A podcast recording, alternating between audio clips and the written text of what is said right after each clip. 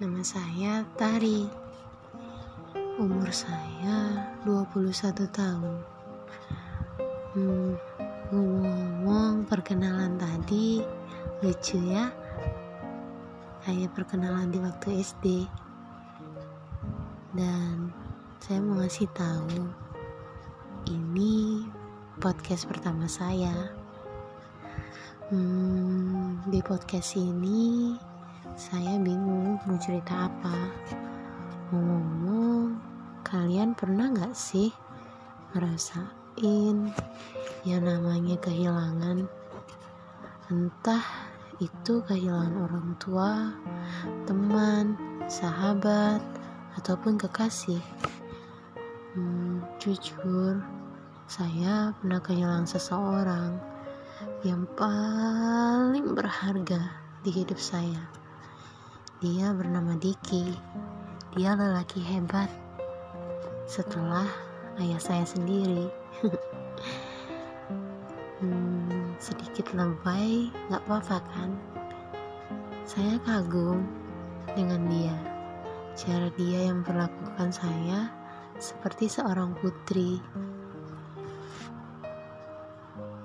Hmm, tapi dia kini sudah kembali ke penciptanya karena suatu penyakit yang mematikan. Dan itu pun saya tahu selang seminggu dia sebelum meninggal. Perasaan saya waktu itu sangat hancur hancur sehancur-hancurnya. Saya tidak keluar kamar sampai dua hari tidak makan tidak mandi. Dan ujung-ujungnya malamnya ketika sepi saya mencoba ke dapur dan mengambil sebuah roti. Apa itu yang disebut mogok makan? Hmm,